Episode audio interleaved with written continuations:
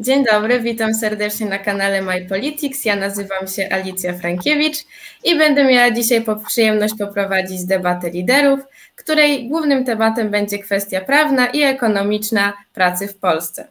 Debata będzie podzielona na cztery segmenty. Każdy z uczestników będzie miał dwie minuty na wypowiedź. Każdemu uczestnikowi przysługuje również prawo do 30-sekundowego adwocem wobec wypowiedzi kontrdebatanta.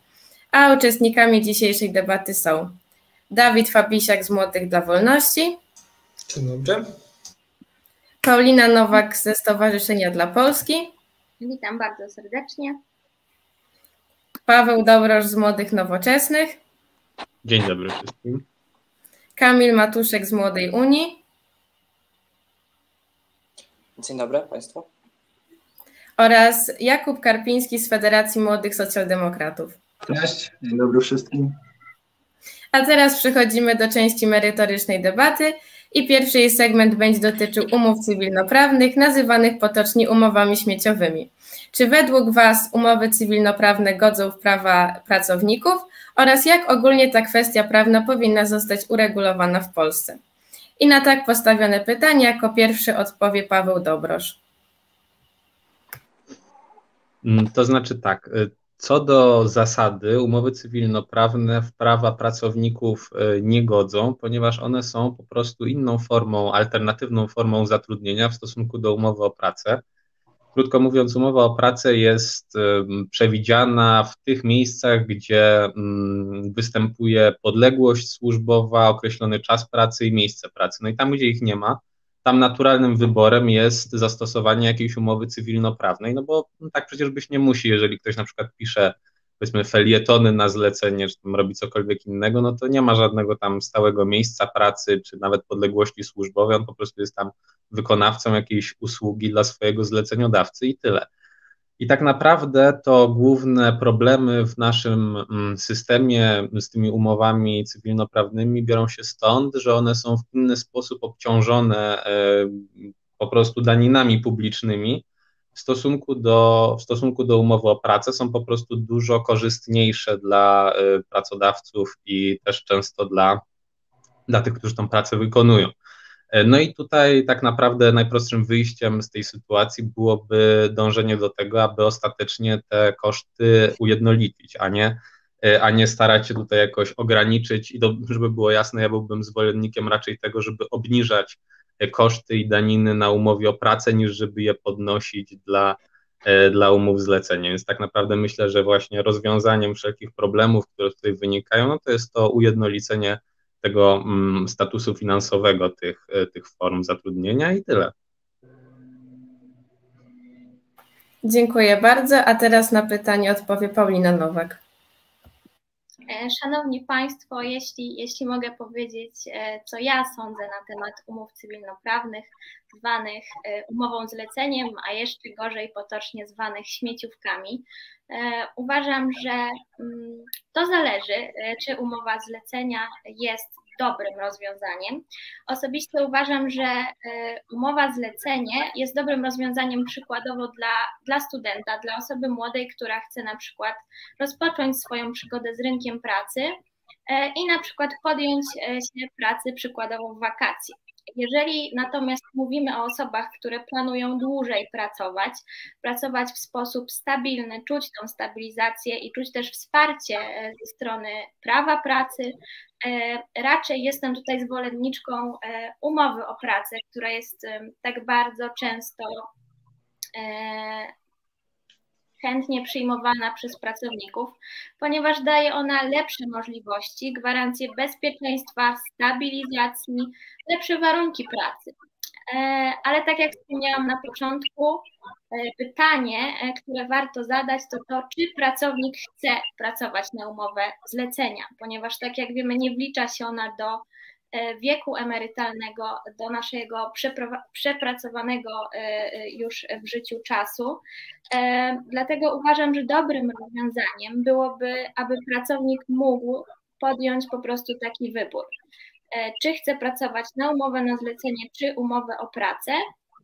E, jednak podsumowując, uważam, że umowa o pracę jest lepszym rozwiązaniem dla, dla, dlatego, by poczuć po prostu tą stabilizację i pewność w zatrudnieniu.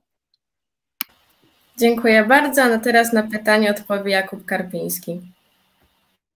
Jak mnie słychać? Tylko dopytam. Dobra, słuchajcie, dwie e, takie kwestie wybrzmiały e, w poprzednich wypowiedziach, do których ja się najpierw chcę odnieść, zanim ja e, powiem swoją opinię.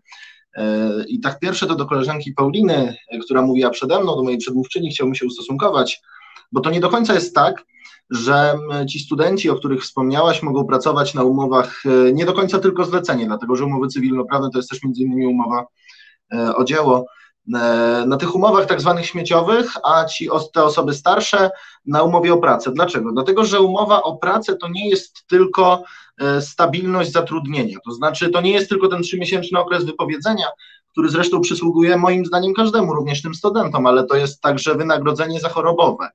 E, chociażby gdzie na umowach śmieciowych często nie opłaca się w ogóle brać zwolnienia chorobowego, bo wtedy tej wypłaty nawet częściowej się zazwyczaj nie dostaje. E, drugą kwestią, e, która różni te umowy cywilnoprawne od e, umów o pracę, co również już wybrzmiało, to są te składki emerytalne i też nie uważam, żeby dobrą opcją było pozostawianie ludziom wyboru, czy oni chcą pracować na umowach śmieciowych, czy chcą pracować na umowie o pracę w tej materii, dlatego że oczywiście, że wypłata środków z umowy zlecenie byłaby wyższa najczęściej niż w przypadku umowy o pracę, chociażby z powodu obcięcia części składek, czy niewliczania się w system emerytalny tych umów, ale mimo wszystko uważam, że pewna powszechność systemu emerytalnego zobowiązuje nas do zapewnienia tych emerytur każdemu. E, o czym zresztą będziemy mówić w kolejnej części debaty. Co ja uważam o umowach cywilnoprawnych? Są takie gałęzie, których trudno jest mówić o ich ograniczeniu. Tak? Jeżeli artysta ma wykonać e, określony utwór, no to trudno sobie wyobrazić, żeby robił to na umowę inną niż umowa o dzieło. Tak? E, I w moim przekonaniu należy rozgraniczyć pewne dwie rzeczy, czyli sytuacje, w których możliwe jest wykonanie tylko na umowę cywilnoprawną danej usługi, danego zlecenia, od sytuacji, w których podejmujemy zwykłe, normalne zatrudnienie, zwykłą, normalną pracę, którą powinniśmy mm, e, opatrzeć umową o pracę, a pracodawca nie chce nam jej zapewnić. I w takich sytuacjach kategorycznie powinniśmy e, wykluczyć taką możliwość, żeby pracodawcy zatrudniali na śmieciówki ludzi, którzy pracują tak samo jak ludzie na etat, tak samo jak ludzie na umowę o pracę, dlatego że to odbiera im szereg korzyści wynikających z posiadania z faktu posiadania umowy o pracę. W branżach, w których niemożliwe jest zlikwidowanie umów cywilnoprawnych, należy e, prawdopodobnie rozszerzyć zakres ich obowiązywania, e, co powinniśmy, myślę, podnieść do debaty publicznej, jak te warunki zatrudnienia na umowach cywilnoprawnych polepszyć, natomiast uważam, że nie wszędzie da się je zlikwidować. Natomiast na pewno zatrudnianie na śmieciówkę wtedy, kiedy należy się pracownikowi umowa o pracę, kiedy zawód wymaga wręcz umowy o pracę, E, uważam za niedopuszczalne i godne potępienia. Dziękuję. Dziękuję bardzo, a teraz na pytanie odpowie Dawid Fablisiak. Ja jestem za pełną dobrowolnością umów, dowolnym sposobem ich zawierania między pracownikiem a pracodawcą. A już teraz słyszymy, że w Nowym Ładzie rząd planuje zlikwidować umowy zlecenie właśnie, o co tak mocno zabiega lewica, która de facto, jak się okazało, w większości sama w biurach poselskich zatrudnia ludzi na umowach zlecenie. A ja nie dziwię się młodym ludziom, że chcą pracować na umowę zlecenie, bo jest to dla nich korzystniejsze. Opodatkowanie umów pracy i koszty pracy są obecnie bardzo duże. I często słyszy się też, że pracodawca wyzyskuje pracownika, jest jego przeciwnikiem, tylko należy zaznaczyć, że firma ma kapitał, który pozwala zwiększyć produktywność tego pracownika i zwielokrotnić jego pracę. I oczywiście pracownik mógłby iść na samo zatrudnienie, tylko nie ma tego kapitału i żeby go zdobyć, musiałby podjąć jakieś ryzyko bądź oszczędzać. Y, ponieważ w tym wypadku zarobiłby więcej, ale na etacie ma ten spokój, dlatego że nie musi podejmować tego ryzyka, ale pracodawca tak czy tak musi mu zapłacić więcej niż byłby w stanie zarobić sam bez kapitału na samozatrudnieniu, ponieważ kto normalny szedłby na etat, czy nawet na umowę zlecenie, pracować, skoro mógłby sam zarobić więcej. Dziękuję. Dziękuję bardzo i tutaj zostało zgłoszone adwocem Jakuba Karpińskiego. Ja chciałem e, tak gwoli uzupełnienia, takie krótkie dosłownie adwocem. E, oczywiście, że jest tak, że pracodawca zawsze w pewien sposób wyzyskuje, bo jedyną możliwą definicją wyzysku, jaką możemy przyjąć, jest kradzież wartości dodatkowej i z tego pracodawca żyje.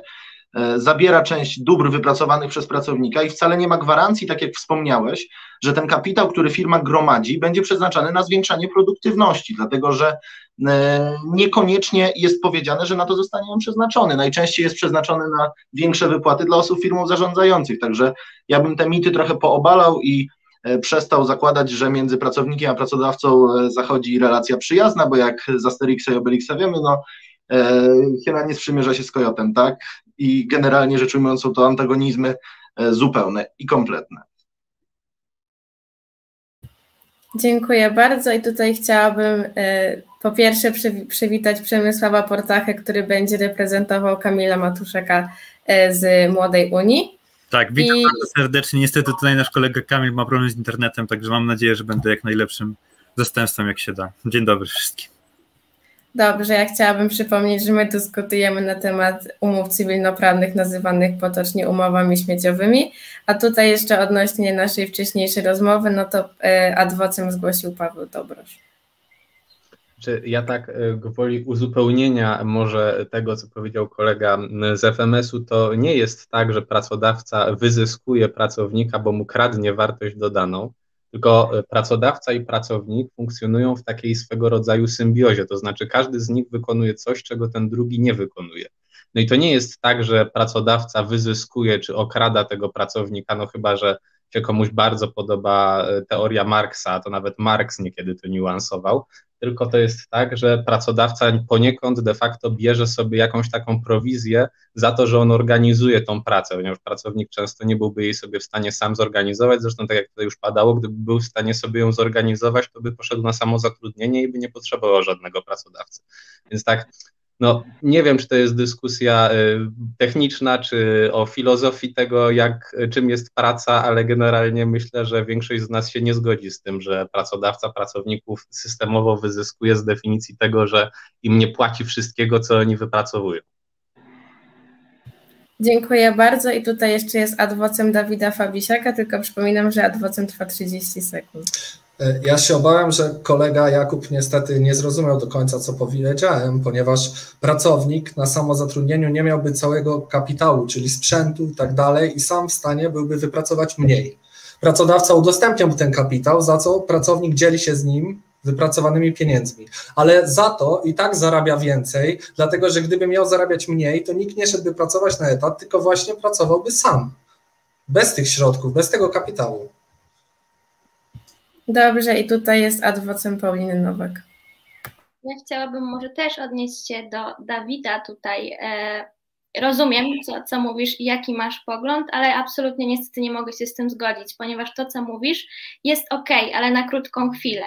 Ale jeżeli przyjdzie czas emerytury i tego, gdy z umowy zlecenia nie odkładamy składek na naszą emeryturę, to wtedy zacznie się problem. Gdy w wieku 60 lat okaże się, że na naszym koncie emerytalnym nie jesteśmy w stanie pokryć nawet minimalnej emerytury. I wtedy pojawia się pytanie, co dalej? Dobrze, dziękuję bardzo i teraz oddaję głos w aspekcie tego pytania Przemysławowi. Tak, oczywiście tutaj ze strony młodej nie jesteśmy liberałami, jesteśmy za swobodą umów. Nazywanie umów cywilnoprawnych umowami śmieciowymi to jest po prostu, no jest wprost taka lewicowa propaganda. Te umowy pełnią różne role, mamy umowę o dzieło i tak dalej. Zapewniają też osobie pracującej większy, y, po prostu większy przychód, przez to mniejsze opodatkowanie. No także jak najbardziej tutaj nigdy nie powiemy, że umówy śmieciowe trzeba zlikwidować. Jesteśmy za większą y, swobodą, y, za większą swobodą, y, żeby pracownik miał większą swobodę właśnie w doborze umów. Jesteśmy też za liberalizacją kodeksu pracy, aby właśnie zapewnić tą większą swobodę, tak? I żeby to obywatel, żeby osoba pracująca decydowała, czy chce właśnie bardziej stabilną pracę, czy więcej, większy dochód, to wszystko oczywiście pozostaje, pozostawiamy tutaj ten. I tak jak mówię, no nazywanie ich śmieciowymi, no tak samo no te inne umowy o pracy też można jakoś brzydko nazwać, bo one przecież no, procentowo bardzo dużo zabierają zarobku i osobie, która zatrudnia i osobie, która pracuje. No także to też nazywanie ich śmieciowymi to jest moim zdaniem absurd. E, czy mógłbym głos e, zabrać, bo tak się zgłaszam? Tak, tutaj zastanawiałam się, czy to jest tak, tak. wyraz zgłoszenia, ale tak. Pytanie mam do właśnie do mojego przedmówcy, tak chciałem Ciebie zapytać. Wspomniałeś na początku swojej wypowiedzi, wyrabia się w pół minuty, że jesteście liberałami, jesteście za większą liberalizacją tego, tych, zawieranych umów, po czym dodałeś coś moim zdaniem sprzecznego z tym, że jesteś za tym, aby pracownik miał pewną swobodę w wyborze takiej umowy. Ja chciałbym zadać Ci pytanie, E, w jaki sposób chciałbyś zagwarantować taką swobodę wyboru pracownikowi, gdzie już w tej chwili, gdzie przecież pracodawca ma dowolność, na jaką umowę e, pracownika zatrudnia, e, grom pracodawców nie oferuje pracownikom umowy o pracę. W warunkach większej liberalizacji kodeksu pracy obawiam się, że żaden z nich może nie chcieć oferować umowy o pracę, dlatego że jest dla niego po prostu mniej korzystna, bo gwarantuje pracownikowi szereg swobód. I stąd moje pytanie, przypomnę, podsumuję, jak chcesz zagwarantować tę swobodę zawieranych, zawieranych umów? Znaczy, to w bardzo prosty sposób jesteśmy tutaj, żeby jak najwięcej e, funkcji, jak najwięcej pracy odbywało się po prostu w systemie rynkowym. Jeżeli jakiejś osobie się nie spodoba czyjaś oferta pracy, to może wybrać e, pracę u kogoś innego. No, dla nas to jest oczywiste. No. Dziękuję bardzo. I tutaj chciałabym zamknąć temat umów cywilnoprawnych i przejść do następnego segmentu naszej debaty, a będzie on dotyczył wieku emerytalnego. I moje pytanie brzmi, czy według Was wiek emerytalny, który jest teraz, powinien zostać podwyższony, a może obniżony? I czy różnica w wieku emerytalnym dla kobiet oraz mężczyzn godzi w zasadę równości wobec prawa? I na to pytanie jako pierwsza odpowie Paulina Nowak. Przede wszystkim chciałabym się skupić na pierwszej części postawionego pytania, czyli tego, czy wiek emerytalny powinien być podwyższony. Pragnę tylko przypomnieć jedną kwestię, która wydarzyła się w 2012 roku, podczas którego poprzedni e, rząd, wtedy e, pana premiera Donalda Tuska, podwyższył właśnie wiek emerytalny z 60 lat dla kobiet, 65 lat dla mężczyzn do 70 roku życia, zrównując właśnie płcie. E, generalnie odbyło to się w sposób przeciwstawny do oczekiwań społeczności, do e, oczekiwań związków zawodowych. Dlatego wydaje mi się, że przede wszystkim, jeśli obywatele, jeśli naród e, chce, by wiek emerytalny był obniżony, powinno tak się stać, bo przede wszystkim decyzje rządu, decyzje polityków mają być dla ludzi i z myślą o nich. Mm, generalnie uważam, że E, wiek emerytalny, który powstał w tym momencie, czyli został przywrócony do tego sprzed 2012 roku, czyli 60 lat dla kobiet, 65 e, lat dla mężczyzn, jest odpowiednim wiekiem emerytalnym. I przechodząc e, szybko, ponieważ czas ucieka, do kolejnej części pytania odnośnie tego, mm, czy to jest dobre, że kobiety i mężczyźni pracują tak naprawdę inaczej, pracują e, kobiety krócej, mężczyźni pracują dłużej. Jest to różnica pięciu lat. Aczkolwiek uważam, że nie powstała ona bez przyczyny, ponieważ kobiety też część swojego życia poświęcają w większości, oczywiście nie wszystkie, ale macierzyństwu. E, I myślę, że tutaj okresy, które są wliczane przede wszystkim do okresu rodzicielskiego, e, rekompensują po prostu te 5 lat. I myślę, że, że to jest taki, e, takie podsumowanie, że ten wiek, który jest teraz, jest odpowiedni, że nie powinniśmy go podnosić, ponieważ takich oczekiwań ze strony społeczeństwa nie ma. E, pewnie tutaj e, nasi koledzy naszej dzisiejszej debaty, pewnie niektórzy stwierdzą, że, że powinno pracować się dłużej, bo wchodzą to pewnie w jakieś aspekty ekonomiczne, tego się spodziewam. Ale uważam, że, że przede wszystkim powinniśmy się skupić tutaj na oczekiwaniach ludzi i postawić sobie też główne pytanie. Główne pytanie, jako ja. Czy ja chciałbym pracować tak naprawdę do lat 70, do lat 75 czy 80? E, I z tym otwartym pytaniem Was tutaj zostawiam. Dziękuję bardzo, a teraz na pytanie odpowie Dawid Fabisiak. To powodem, dla którego wiek emerytalny w ogóle istnieje, to jest system państwowych emerytur, który już aktualnie nie działa za dobrze.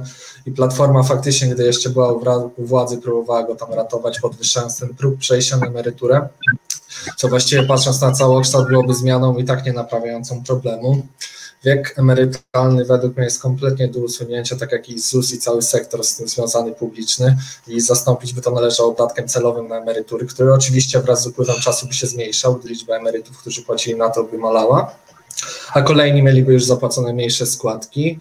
bo oczywiście jeżeli ktoś płaci, no to trzeba mu zapłacić już te świadczenia, no bo umów się dotrzymuje.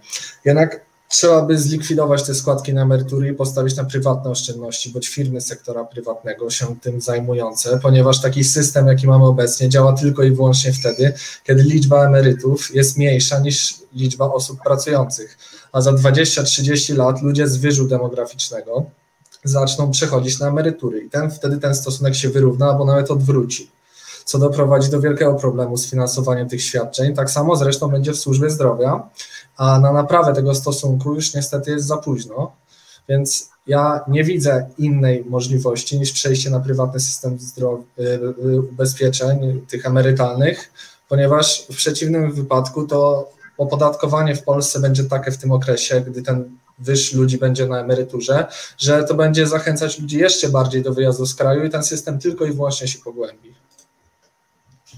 Dziękuję bardzo, a teraz proszę o zabranie głosu Pawła Dobrosza. E, to najpierw do pierwszej części pytania, czy wiek emerytalny, który mamy obecnie jest właściwy? Nie, no on jest super, pod warunkiem, że chcemy mieć głodowe emerytury. To tak, to on jest świetny. Jeżeli chcemy, żeby emeryci w Polsce nie mieli środków nawet na pokrycie podstawowych opłat, nie mówię już nawet o jedzeniu, tylko o takich opłat jak tam opłaty za mieszkanie i media, no to, to tak, to, to jest świetny wiek emerytalny. No niestety mamy taką sytuację demograficzną, jaką mamy mamy taki system emerytalny, jaki mamy, tu też poniekąd nawiązuje do wypowiedzi mojego przedmówcy, no ja też nie jestem jakimś wielkim zwolennikiem tego systemu, no ale powiedzmy, że obracamy się w tym, co mamy w tej chwili na stole. W obecnej sytuacji, kiedy mamy taki system, że to od, od środków wypracowywanych przez osoby, które są na rynku pracy, odprowadzamy środki dla tych, którzy już przekroczyli wiek emerytalny, no to musimy sobie odpowiedzieć na pytanie, i to jest pytanie tak naprawdę nie jakieś tam, tak jak tu wcześniej padało, to kto by coś chciał, tylko to jest takie pytanie matematyczne, ile w ten sposób jesteśmy w stanie środków pozyskać. No i jeżeli mamy obecną sytuację, to tych środków będziemy w stanie pozyskiwać proporcjonalnie bardzo niedużo, poniżej tego, co chcielibyśmy, ponieważ mamy, będziemy mieli coraz bardziej niekorzystną relację ilości osób po wieku emerytalnym do tych, które są jeszcze w wieku produkcyjnym i tyle. No i to powoduje, że tak naprawdę każdy odpowiedzialny rząd powinien przedstawić teraz taki plan stopniowego podnoszenia tego wieku emerytalnego po to po prostu, żeby uchronić naszych emerytów przed takimi emeryturami, które no, nie będą praktycznie pozwalały na przeżycie. No, to, to jest taka, taka naj, najkrótsza odpowiedź na tą pierwszą część pytania, jak, jaką myślę można udzielić. A druga sprawa, czy, czy nie narusza równości wobec prawa to, że kobiety mają e, krótszy, czyli wcześniej mogą przejść na emeryturę od mężczyzn. No tutaj tak naprawdę muszę powiedzieć, że e, jak koleżanka z Młodych dla Polski zaczynała swoją wypowiedź, to nie mogę się oprzeć wrażeniu, że ona jest wewnętrznie sprzeczna na kilku poziomach, bo mm, sama stwierdziła, że kobiety przecież jeszcze pracują krócej, bo na przykład przechodzą na urlop macierzyński w trakcie, w trakcie tej, tej swojej pracy, więc kobiety nie dość, że żyją dłużej od mężczyzn, E, mają e, prac, pracują tak naprawdę krócej od mężczyzn, to znaczy mają krótszy staż pracy i to wynika ze wszystkich danych statystycznych, że kobiety pracują też fizycznie krócej, a przechodzą na wiek emerytalny wcześniej. No to co to powoduje? To powoduje, że po prostu będą miały te emerytury niższe. Tak samo jak, tak samo jak w tym poprzednim pytaniu, tutaj kobiety znowu są na emeryturze dłużej, a pracują krócej, no to będą miały te emerytury drastycznie niższe i tak jest w tej chwili w Polsce i to się będzie tylko pogłębiało. No więc oczywiście, że ten wiek emerytalny dla kobiet i mężczyzn powinien zostać zrównany. I tyle. I ta reforma, którą powiedzmy bardzo dużym kosztem przeprowadził rząd PO-PSL w przeszłości, ona została odwrócona przez rząd PiSu. No ale to jest bardzo dużą szkodą na przyszłość, tak? To niestety będzie skutkowało powiększającą się dziurą w tym sektorze finansów publicznych którą będzie trzeba łatać z budżetu, więc tak naprawdę ogólnie to się przyczyni do wzrostu zadłużenia i tyle. Na ten moment oczywiście nie ma woli politycznej, żeby tą sytuację naprawić. Myślę, że w przyszłości odpowiedzialny rząd tą sytuacją będzie się musiał zająć i pewnie nie będzie to łatwe. Dobrze, ale... i tutaj już zmierzamy do końca. Tak, tak, ale innej alternatywy niż podniesienie wieku no raczej nie będzie. Tak, i tutaj przyznaję głos Paulinie Nowak. Ja chciałabym odnieść swoje adwocem właśnie do Pawła, mając tutaj szybko na uwadze dwie rzeczy. Owszem, możemy podnosić wiek emerytalny, pytanie, czy dożyjemy do skorzystania z tej wyższej emerytury. I kolejna e, sprawa, złapałeś mnie tu za słowo odnośnie tego, że kobiety pracują przecież krócej, mają krótszą e, tą drogę e, łapania tego wieku emerytalnego, ale pragnę zauważyć, że chyba warto mieć jakiś szacunek przykładowo do naszych mam, które poświęcają średnio około 5-6 lat życia swojego na to, by wychować nas, na to, by tworzyć nowe pokolenie. I uważam, że e, wydłużanie wieku kobiecie, która zajmuje się domem i rodzicielstwem, jest tutaj w tym stosunku nie fair. Dziękuję bardzo. Dziękuję i tutaj udzielam głosu Pawłowi. Ale ja się w 100% zgadzam, tylko że to się wcale nie musi odbywać y, na drodze obniżania wieku emerytalnego, bo na przykład można przeznaczyć dodatek emerytalny dla kobiet, które e, wychowały, wychowują dzieci. Tak? To w ogóle nie musi się odbywać na tej drodze, że, że te kobiety teraz będą przechodziły wcześniej na emeryturę. Znaczy to nie ma żadnego uzasadnienia, no nawet na takim poziomie biologicznym. Tak jak mówię, kobiety są bardzo często dłużej w ogóle sprawne od mężczyzn. To znaczy one mogą w takim wymiarze statystycznym pracować dłużej, a się im niejako na siłę od razu oferuje, żeby pracowały krócej, co nie ma żadnego w ogóle uzasadnienia, to nie ma sensu po prostu i generalnie wokół tego, e, tak powiedziałbym, oscyluje to moje spostrzeżenie i tyle. Dobrze, ja to rozumiem, że Paulina chciałaby coś powiedzieć, ale to tak 10 sekund. Korzystając z 10 sekund, oczywiście nikt nie zmusza kobiety do tego, by szła na emeryturę w wieku 60 lat, bo jak pewnie się domyślasz, może podjąć e, dalej pracę i to od niej zależy, czy przejdzie na tą emeryturę, czy nie. Dziękuję bardzo i teraz chciałabym, żeby na wyżej postawione pytanie odpowiedział Przemysław Portacha. Jasne, super. No, podwyższenie wieku emerytalnego przez rząd Platformy było czymś niedopuszczalnym, czymś bardzo w stylu PiSu, bo było to co prawda zgodne z prawem według orzeczeń e, sądowych, ale było to całkowicie wbrew zasadom dobrej legislacji, dobrego państwa i po takich zagrywkach, gdzie rząd Platformy, aby podwyższyć sobie po prostu sumę w budżecie podwyższył wiek emerytalny, jest po prostu czymś absolutnie niedopuszczalnym i, i dlatego naszym zdaniem, dlatego my jako Młoda Unia to jesteśmy za ochroną praw nabytych i każda osoba, która już weszła na rynek pracy z obecnym wiekiem emerytalnym, powinna właśnie ten wiek, e, ten, ten wiek emerytalny powinien być jak najbardziej przestrzegany. Jak jest rozwiązanie kryzysu demograficznego, bo to w dużej mierze to jest problem emerytur, jeśli chodzi o emerytury, my popieramy emerytury obywatelskie. Jest to swoisty kompromis. Uważamy, że każdy obywatel powinien dostawać taką samą emeryturę, bo niestety problem systemu emerytalnego jest taki, że no, każda jego reforma, jeżeli będzie uczciwie przeprowadzona, nie tak jak reforma na przykład Platformy, y, musi trwać no, pokolenie, żeby te osoby, które już weszły na rynek, skończyła się im y, obecna, że tak powiem, umowa z państwem i te dopiero osoby, które wchodzą na rynek, E, mogły według już nowych standardów na niego wchodzić. Jeśli chodzi o e, kwestię e, wieku emerytalnego, to moim zdaniem była to dyskryminacja. Wiek emerytalny dla obu płci powinien być ten sam. No i ja w ogóle jestem bardzo smutny, że właśnie przedstawiciel nowych, młodoczesnych, no razem jako liberałowie, jako ten zawsze staliśmy na straży prawa do straży demokracji, tutaj widzę, że kolejne nieścisłość w tym kwestii, no i tutaj, no mówię, ta zagrywka, podwyższenie wieku emerytalnego, naprawdę ten drugi rząd Platformy naprawdę ma wiele na sumieniu, tak jak właśnie podwyżka tego e, wieku emerytalnego była bardzo niezgodna z zasadami prawodawstwa, tak samo no, na koniec wybranie sędziów dublerów, ale to już jest inny temat, także jak najbardziej. Dobrze, dziękuję bardzo i tutaj jest adwocem Pawła Dobrosza. No ja tylko tak krótko do tego argumentu o tych prawach nabytych. To jest generalnie dość słaby argument, taki powiedziałbym nawet bez sensu, bo argument o prawach nabytych to jest taki argument, że jak dzisiaj na przykład Prawo i Sprawiedliwość obieca e, każdemu, e, kto się zapisze do Wojsk Obrony Terytorialnej dożywotnią pensję 1000 zł miesięcznie, to on już ma prawo nabyte i my już tego nie możemy zmienić. No niestety, jak jakiś rząd dokona głupich, błędnych, niewłaściwych zobowiązań, no to odpowiedzialny rząd, który przychodzi później, musi te zobowiązania zmienić. I tu nie ma takiej dyskusji, że oni już mają te prawa nabyte. No tak jak powiedziałem, tak można by każdemu obiecać cokolwiek i już nikt nigdy nie mógłby tego zmienić. Tak nie może działać. Jeżeli mamy system emerytalny, który się po prostu nie spina, bo tak było i tak jest dzisiaj z naszym systemem emerytalnym, że on się nie spina już teraz i do niego trzeba i tak dopłacać z budżetu, to odpowiedzialny rząd musi coś z tym fantem zrobić. Jeżeli nic nie robi i będzie udawał, że nie ma problemu, no to to nie jest rząd odpowiedzialny, to już koniec. Dziękuję no. bardzo i tak, teraz no. chciałabym No na pewno tak. ta umowa dotycząca wojska na pewno nie jest na całe życie, także no to nie będzie złamanie prawa, bo ona będzie na określoną ilość lat. No, no proszę pana, no, jakby tym się od siebie różnimy, tak?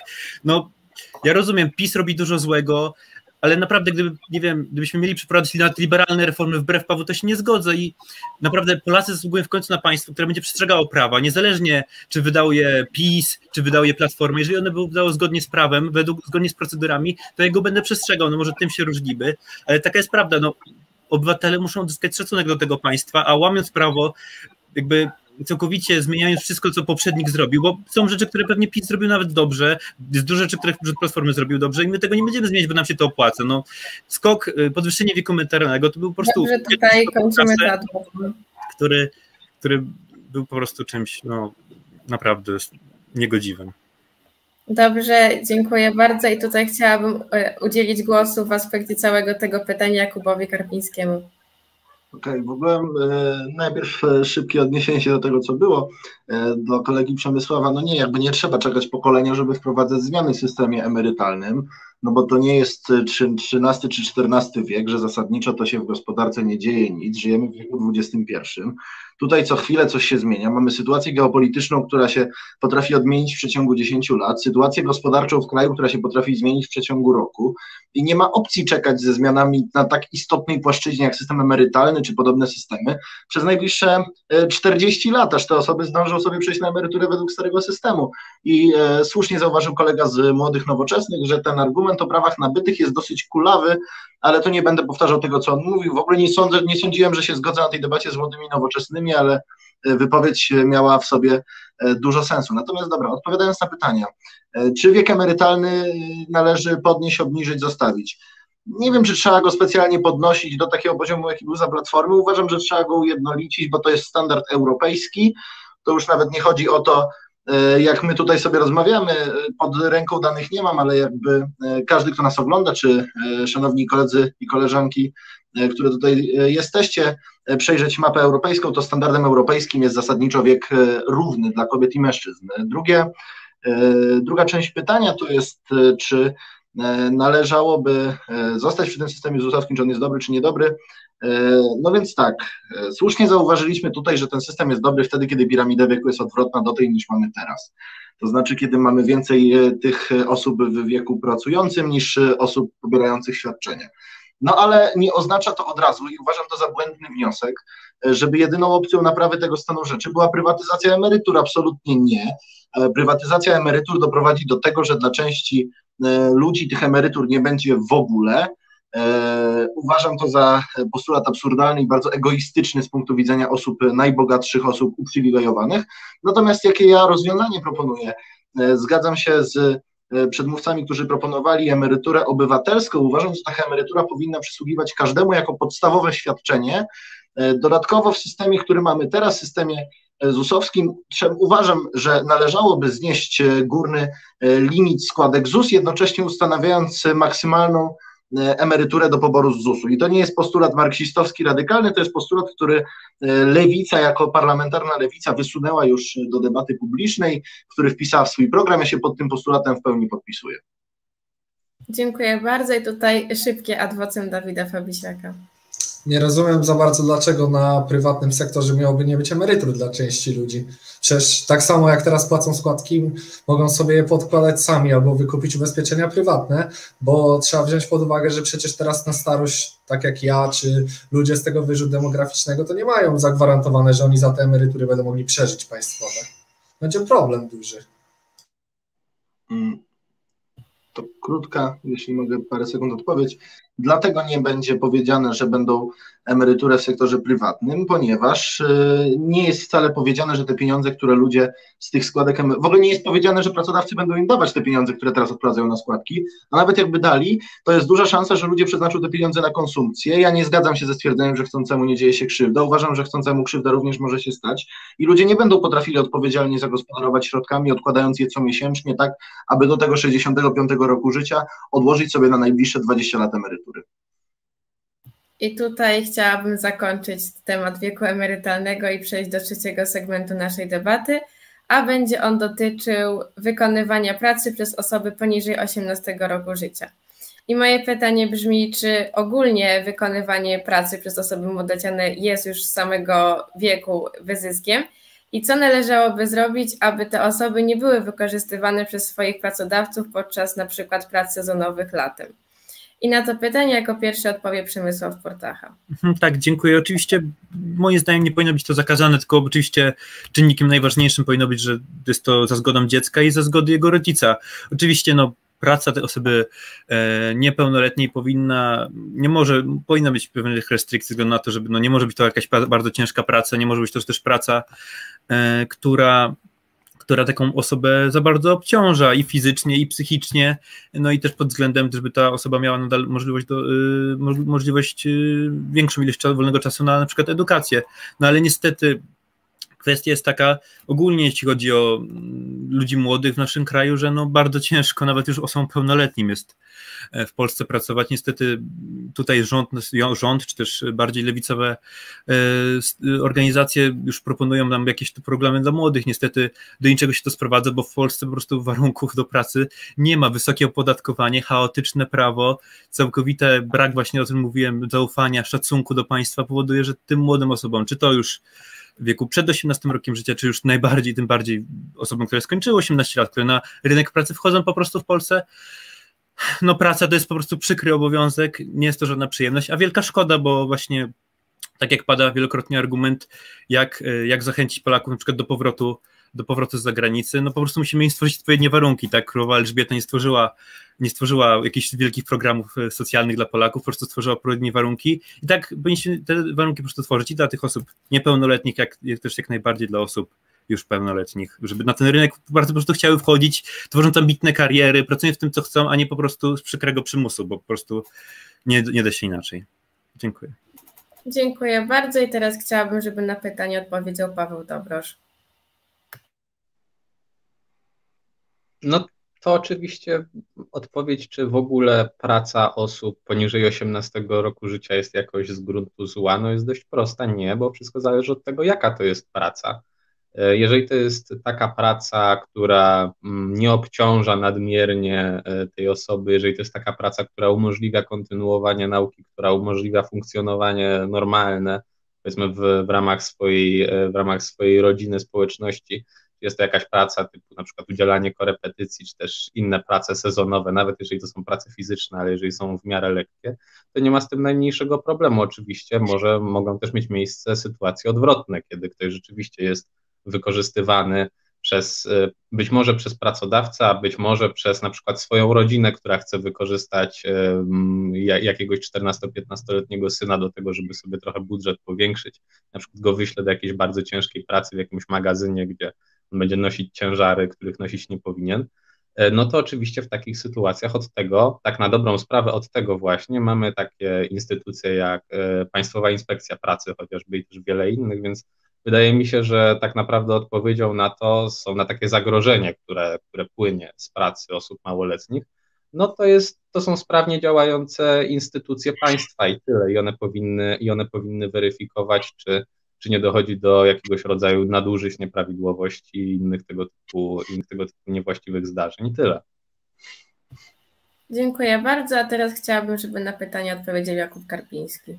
Znaczy Państwowa Inspekcja Pracy ma mniejszy budżet niż policja połączona z prokuraturą, połączona z Instytutem Historycznym, czyli Instytut Pamięci Narodowej. I to jest absurd naszych czasów, który powoduje, że Państwowa Inspekcja Pracy jest raz, że niewydajna, dwa, że nie jest w stanie dopilnować przestrzegania tych praw pracowniczych, więc uważam, że tych instytucji realnie działających w Polsce nie ma. Druga rzecz jest taka, że pewien Rosjanin powiedział kiedyś ucicja, ucicja i ucicja. Ja uważam, że młodzież się powinna przede wszystkim uczyć, a dopiero potem robić cokolwiek innego. I każda praca, jaką podejmuje młodzież, powinna być chociażby formą spędzenia wolnego czasu w wakacje. E, ja jako osoba młoda też w wakacje wielokrotnie taką lżejszą pracę, ale i cięższą podejmowałem. E, natomiast na pewno nie powinno to w żaden, absolutnie żaden sposób kolidować mu z nauką.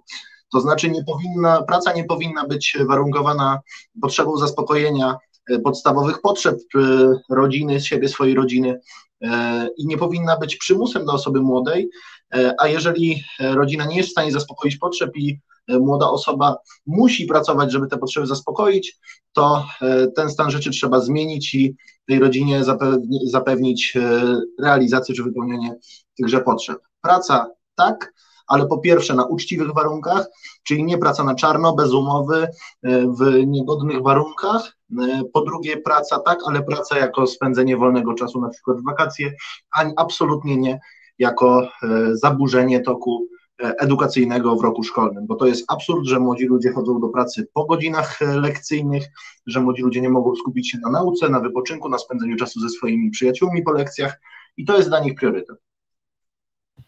Dziękuję bardzo. A teraz chciałabym, żeby głos zabrała Paulina Nowak.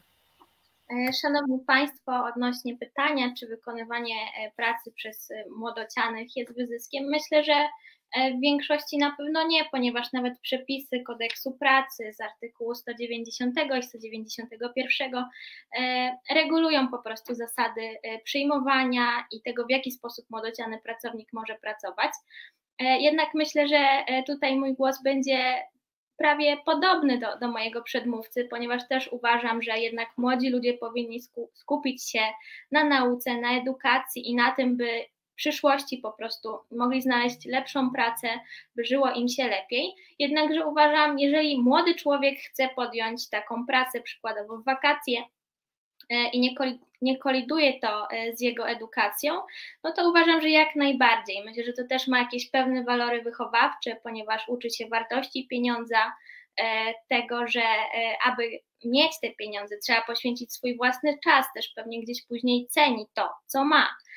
Dlatego uważam, że jeśli młody człowiek chce podjąć taką pracę, jak najbardziej. Są odpowiednie przepisy, które regulują, w jaki sposób może to zrobić, E, na jakich warunkach może się przyjąć do tej pracy. Także tutaj nie widzę przeciwwskazań.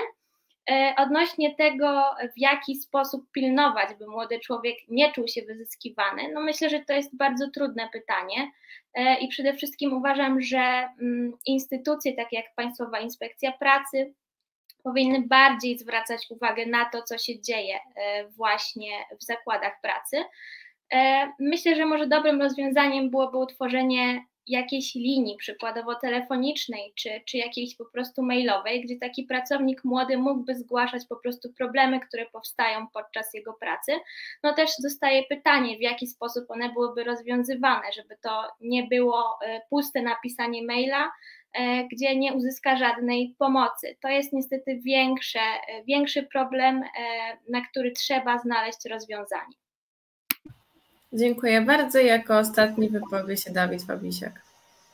Generalnie praca przez młodych jest na pewno czymś dobrym, mogą zarobić sobie na podstawowe rzeczy, jakieś dla siebie wydatki, wyjścia gdzieś i tak dalej i zdobyć jakieś doświadczenie potem do pracy, nauczyć się sumienności, zaangażowania i tak dalej.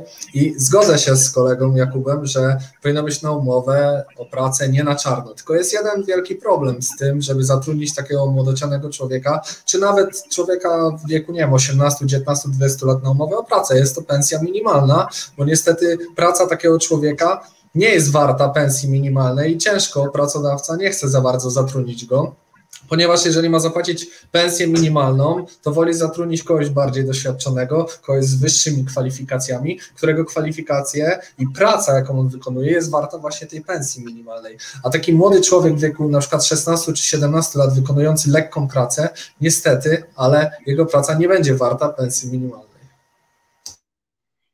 I tutaj rozumiem, że głos chce zabrać Jakub Karpiński. Przepraszam, że czatu nie używam, ale e, korzystam z telefonu i ciężko mi było machać kamerą, ale do czego e, zmierzam krótkie adwocem, bo też, żeby nie zajmować czasu. Pierwsza rzecz do koleżanki Pauliny, to taka e, infolinia, czy taka skrzynka mailowa już istnieje. Ja osobiście pisałem kiedyś zawiadomienie do PIP-u i wiem, jak to wygląda. I to też nie jest tak, że PIP z tym nic nie robi. Każdy to może zrobić. Wystarczy wygooglować, jak to zrobić, wydrukować wniosek, zanieść gdzie trzeba albo wysłać mailem. Ale do kolegi Dawida. E, jak go nie będzie chciał zatrudnić, to nawet lepiej, bo młody nie powinien pracować, a jeżeli ma taką rzeszę pracowników na jego miejsce, to to zapewne, jak wspomniałeś, ludzie z wyższymi kwalifikacjami, e, są ludzie, którzy są w wieku pracującym i tej pracy potrzebują, żeby przeżyć, a nie po to, żeby sobie dorobić. E, uzupełniając to, co powiedziałeś, ja nie wspomniałem, że na umowę o pracę, a na umowę. Dlaczego na umowę? Bo umowa gwarantuje wypłatę wynagrodzenia. Zatrudnionego pracownika na czarno można kopnąć w tyłek i odesłać do domu bez niczego. Dziękuję bardzo. Dziękuję bardzo i na tym adwocem zakończymy naszą rozmowę na temat wykonywania pracy przez osoby młodociane. I tutaj czwarty segment naszej debaty będzie dotyczył niedzieli niehandlowej i chciałabym się Was zapytać, czy według Was e, po upływie czasu można stwierdzić, że był to dobry pomysł prowadzenie takich niedziel i czy każda, jeżeli już niedziele niehandlowe mają funkcjonować, to czy każda powinna być niehandlowa? I na tak postawione pytanie jako pierwszy odpowie Jakub Karpiński. Mm, no ja myślę, że jeszcze większym absurdem niż sytuacja, jaką mamy teraz, było to robienie jednej, dwóch niedzieli w miesiącu wolnych, bo nie było wiadomo, czy one są wolne, czy nie są wolne i tak że ludzie mieszali, w tym mieszali i gubili. E, jako, jakie ja rozwiązanie proponuję? Po pierwsze, e, słusznie padał kiedyś postulat dwóch wolnych niedziel w miesiącu dla każdego pracownika. E, jakie to przyniesie korzyści? No zasadniczo takie, że te dwie niedziele będzie ten pracownik mógł spędzić w domu, E, ze swoją rodziną, czy, czy, czy gdzie tam będzie chciał, a ludzie nie będą musieli być ograniczani, dlatego że ja uważam e, zakaz e, handlu w niedzielę za bezsensowny i przeciwskuteczny. Natomiast co warto dodać do tego wszystkiego, że jeżeli pracownik zdecyduje się na pracę w niedzielę, uważam, że ona powinna być zapewniona w handlu, dlatego że dlaczego mamy wyłączać handel z tego, z, te, z, z reszty zawodów, gdzie przecież w niedzielę pracę wykonywać można.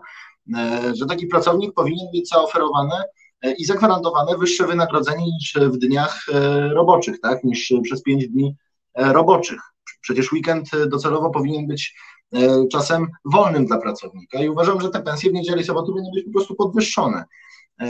Więc niedziele niehandlowe nie, natomiast zwolnienie części pracowników, danie im możliwości E, dwóch wolnych niedziel w miesiącu, jak najbardziej tak, wyższe pensje w niedzielę, jak najbardziej tak. Dziękuję bardzo i na to pytanie teraz odpowie Paulina Nowak. Myślę, że przede wszystkim zdania odnośnie tego, czy niedziele powinny być wolne od handlu, czy nie, na pewno będą podzielone. E, szczerze mówiąc, czasami e, też się nad tym zastanawiałam, ale z perspektywy powiedzmy pracownika, który kiedyś doświadczał pracy w niedzielę, E, stwierdzam, że nie jest to na pewno nic przyjemnego i jestem przekonana, że pracownicy również chcieliby mieć tak zwane klasyczne weekendy, podczas których mogliby spędzić czas z rodziną, po prostu odpocząć. Szczerze mówiąc, mm, podsumowując to, co już wiemy, czyli jak funkcjonują niedziele handlowe, jak funkcjonują niedziele niehandlowe, ja osobiście jestem raczej, raczej zwolennikiem tego, by niedziele pozostały niehandlowe. E, myślę, że dobrym rozwiązaniem jest, aby na przykład przed świętami, czy takimi bardziej gorącymi okresami, gdzie mm, potrzebujemy tego handlu, e, powinny te niedziele zostać otworzone na handel. Ale myślę, że tutaj zgodzę się z moim przedmówcą i uważam, że wynagrodzenia, które pracownicy otrzymywaliby w takie niedziele, powinny być na pewno zwiększone, E, żeby oni również to odczuli w swoim portfelu i żeby w jakiś sposób ten wolny, niedzielny czas został im po prostu zrekompensowany. Dziękuję bardzo i teraz proszę o głos w tym temacie Dawida Fabisiaka. Ja nie widzę żadnego powodu, dla którego państwo miałoby wybierać firmom czy sklepom, w które dni mają być otwarte, a w które nie. Powinno to podlegać tylko i wyłącznie decyzji pracodawcy. I to jest też często okazja dla pracowników, ponieważ często za niedzielę są jakieś dodatki i ludzie, którzy chcą na coś oszczędzić albo więcej zarobić, często mogą na tym skorzystać. Wiele sklepów już przekształca się w placówki pocztowe, co stwarza trochę nierówną konkurencję na rynku, ponieważ niektóre małe sklepy na przykład nie mają takiej możliwości i przez to cierpią, bo w niedzielę na przykład mogłyby sporo zarobić, a wszyscy idą do sklepów typu Żabka i tak dalej. A koniec końców na tym wszystkim cierpią także konsumenci najbardziej prawdopodobnie, ponieważ oni w niedzielę nie mogą nic kupić, a różnie w życiu bywa. Czasem kupi się w sobotę na dwa dni rzeczy, ale może czegoś nie starczyć, może coś wypaść nagle i wtedy jest problem. Trzeba jeździć po stacjach, trzeba jeździć po żabkach i szukać. Niekoniecznie tam, gdzie lubimy, niekoniecznie w takich cenach. Niektórzy, jak na przykład, kupują u siebie w ulubionych sklepach, więc uważam, podsumowując, że jak najbardziej we wszystkie niedziele sklepy powinny być, mieć możliwość otwarcia. Dziękuję bardzo i teraz chciałabym, żeby na pytanie odpowiedział Paweł Dobrosz. No oczywiście zakaz handlu w niedzielę jest bardzo szkodliwym, bardzo niekorzystnym zjawiskiem, do którego doszło tak naprawdę tylko i wyłącznie z przyczyn e, takich wyborczo-politycznych, no bo mm, Prawo i Sprawiedliwość, kiedy dochodziło do władzy, no to opierało się w dużej mierze na takich e, dwóch sporych instytucjach, jedną Kościół katolicki, a drugą jest Związek Zawodowy Solidarność. No i każdy z tych, każda z tych instytucji miała swój biznes w tym, żeby doprowadzić do tego zakazu handlu w niedzielę. No Kościół z przyczyn doktrynalnych i być może trochę po to, żeby podnieść frekwencję na mszach, a Solidarność, dlatego że w jej strukturach pracownicy handlu stanowią bardzo duży pion, no i oni dość mocno tam naciskali wewnętrznie na to, aby taki taki zakaz wprowadzić. Więc tak naprawdę jedynym, jedyne powody, dla których on został wprowadzony, to są właśnie takie powody typowo polityczne, e, dążenie do tego, żeby więcej głosów można było zgromadzić za pomocą tych właśnie, właśnie e, można powiedzieć, grup lobbingu w ramach obozu e, PiSu. A przechodząc do tego, jakie są skutki tego zakazu handlu, no to tak, po pierwsze to są wymierne straty dla sektora. Szacuje się, że to jest 9 do 10 miliardów złotych co roku czyli bardzo poważne straty. Mm, po drugie, jest to bardzo duże utrudnienie dla osób, które właśnie akurat e, w niedzielę mają czas, no bo nie ukrywajmy, że to właśnie ludzie młodzi w bardzo dużej mierze na tym zakazie handlu cierpią, bo oni chcieli sobie właśnie dorabiać w weekendy, w tą niedzielę, kiedy nie mają zajęć na uczelni, nie mają lekcji w szkole, a teraz już nie mogą. E, no i też cierpią sklepy, które nie mają możliwości przeprowadzenia szeroko zakrojonych kampanii reklamowych dążących do zmian preferencji konsumentów bo pamiętajmy, że te takie największe sieci bardzo dużo zainwestowały w to, żeby przesunąć ten, ten środek ciężkości z niedzieli na sobotę. Są całe takie reklamy i bloki reklamowe, które zachęcają do tego, żeby kupować jak najwięcej w soboty. No i to jest tak naprawdę takie podsumowanie tego, jak ten zakaz handlu działa. Myślę, że pandemia jest doskonałą okazją do tego, żeby się z tego zakazu handlu wycofać, a taką kompromisową trochę propozycją, co już tutaj padało, jest właśnie to, żeby zapewnić y, po prostu każdemu pracownikowi na przykład te dwie niedziele wolne w miesiącu. Y, I tym sposobem pracodawca już weźmie na siebie zorganizowanie tego czasu pracy w taki sposób, żeby sklep mógł pracować przez cały miesiąc, a jednocześnie, żeby każdy pracownik mógł mieć te dwie niedziele wolne. No i to byłoby chyba najlepsze rozwiązanie, które by pogodziło te te interesy różnych grup, bo też prawdą jest to, że rzeczywiście dochodziło do takich sytuacji, że niektórzy pracownicy no, nie mogli sobie wywalczyć nawet jednej niedzieli wolnej w miesiącu, no i faktycznie to nie było korzystne, nie mogli spędzać czasu z rodziną, więc tu warto byłoby się nad tym problemem przy tej okazji też powiedzieć. Dziękuję bardzo i tutaj zostało zgłoszone adwocem Pauliny Nowak. Szanowni Państwo, ja, ja tak przysłuchując się e, temu, co, co mówi Paweł, w pewnym sensie rozumiem, ponieważ e, reprezentuje swego rodzaju młodzieżówkę, a nie inną, więc musi się utożsamiać z tymi poglądami. Aczkolwiek osobiście nie mogę zgodzić się z tym, gdy słyszę, że w jakiś sposób pracowników szeregowych stawia się e, pod znakiem zapytania tego, że ważniejszy jest pieniądz, ważniejsze są korzyści majątkowe przedsiębiorcy, a nie to, w jaki sposób będzie funkcjonował zwykły, przeciętny Kowalski, e, który tak naprawdę ciężko w tygodniu pracuje, przykładowo w handlu i proszę mi wierzyć, że to nie jest łatwa praca. Dlatego uważam, że jeżeli większość Polaków ma wolne weekendy i wolne niedziele, powinno być tutaj powinna tu się pojawić po prostu równość, również dla tych pracowników w handlu, a uważam, że zwykły Polak jest w stanie obejść się bez spaceru po galerii handlowej w niedzielę, gdy inni ludzie muszą niestety e, tracić na swoim wolnym czasie, tracić na czasie spędzonym przykładowo z rodziną, czy po prostu zrezygnować z odpoczynku. Dziękuję bardzo i tutaj daję, tak widzę, to tutaj teraz wygłosi Paweł Dobrosz swoje adwocem, a potem Jakub Karbiński. No dobrze, to ja taki krótki adwocem do Pauliny. No przepraszam bardzo, ale poważnie ułatwiasz sobie polemikę w taki sposób, że dyskutujesz z kompletnie czymś innym niż to, co ja powiedziałem, bo ja powiedziałem dokładnie, że faktycznie jest takie zjawisko, że niektórzy pracownicy mieli problem z doproszeniem się o te przynajmniej jedną czy dwie niedziele wolne. I właśnie dlatego zaproponowałem, żeby wprowadzić takie rozwiązanie, żeby pracownicy rzeczywiście mieli zagwarantowane na przykład dwie niedziele wolne w miesiącu, a y, żeby sklepy mogły funkcjonować, czyli żeby to pracodawca już dopracował ten grafik, tak, a nie żeby ustawowo sklepy musiały być zamknięte przez każdą niedzielę w miesiącu, bo to jest tylko godzenie w konsumentów. Poza tym jest spora grupa pracowników, którzy chcieliby pracować w tą niedzielę. No więc dlaczego im zabierać taką możliwość? Jest, nie ma to uzasadnienia żadnego. Dziękuję bardzo i teraz udzielam głosu Jakubowi Karpińskiemu. Znaczy ja tak gwoli uzupełnienia do koleżanki Pauliny, że e, nie mówiłbym, że to jest tak, że większość Polaków miała e, wolne niedziele, a handel nie miał i teraz PiS zrobił, że handel ma i wszyscy mają, tak? E, za Kizem kiedyś nie mieli, teraz mają. No ja bym powiedział, że wręcz jest grom branż, które już kończę adwocem, które w niedzielę pracują naj, najintensywniej branży, branże usługowe, branże gastronomiczne, to przecież tętnią życiem głównie w soboty, niedzielę i piątki wieczorem. E, dlatego uważam, że handel nie jest e, gałęzią, w której ludzie pracują wybitnie ciężej niż w innych gałęziach i nie ma sensu ich uprzywilejowywać zamykaniem sklepów. Stacje benzynowe chociażby pozostają otwarte. Uważam mimo wszystko, że sensowne rozwiązanie z kolegą z nowoczesnej, alternatywne zaproponowaliśmy.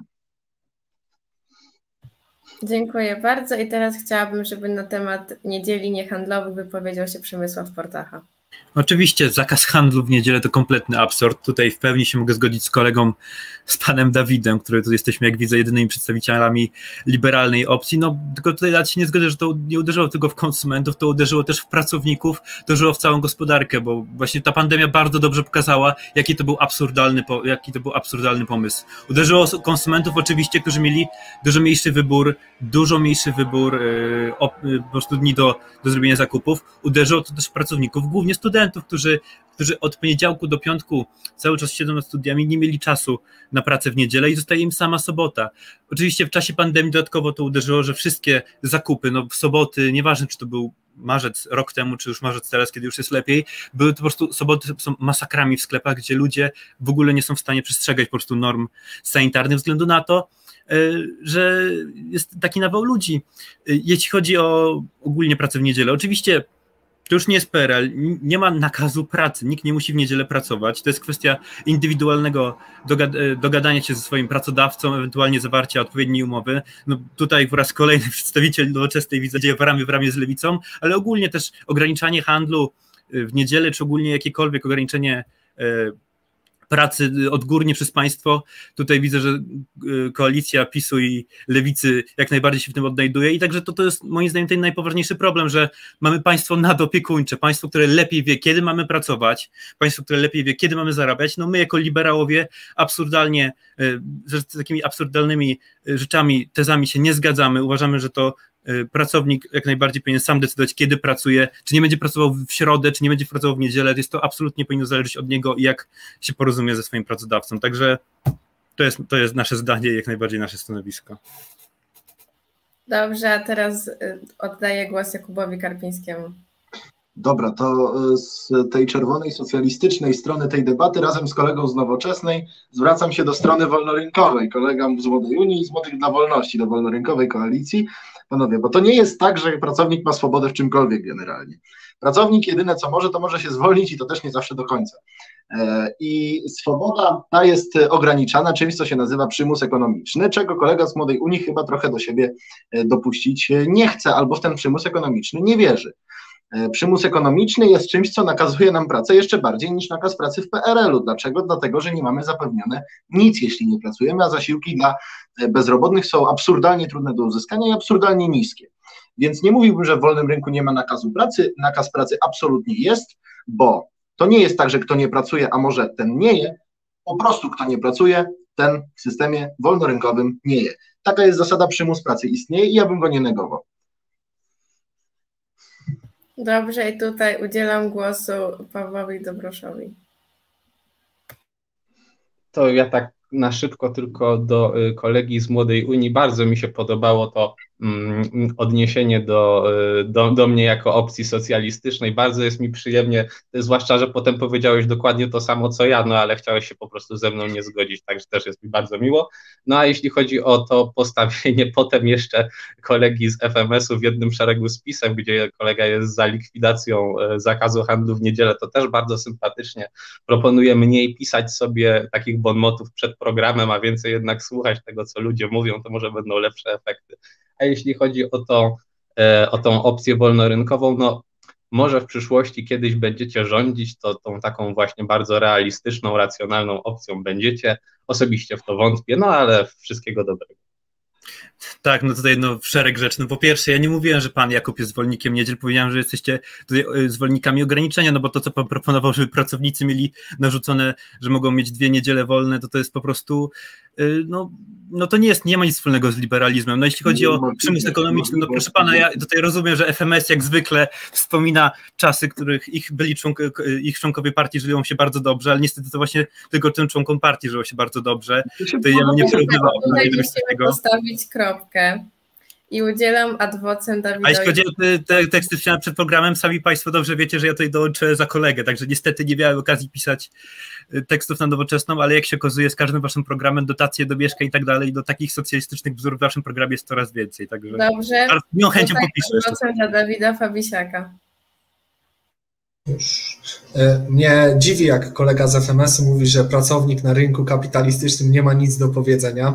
Otóż tak się składa, że ma i to bardzo dużo, bo jeżeli pracodawca jest nieuczciwy, można mu wystawić opinię, można ostrzec znajomych, można już więcej u niego nie pracować i on w takim czymś jednak traci na reputacji i to może pracodawca oczywiście taki wyzysk czy nieuczciwe zachowanie przynieść efekt jakiś, ale tylko krótkotrwały. Oczywiście nie będzie to efekt długotrwały, bo jego reputacja spadnie i to także nazywa się, jeżeli chodzi, na przykład jeżeli pan idzie do restauracji, to nazywa się to samowymuszaniem kontraktów.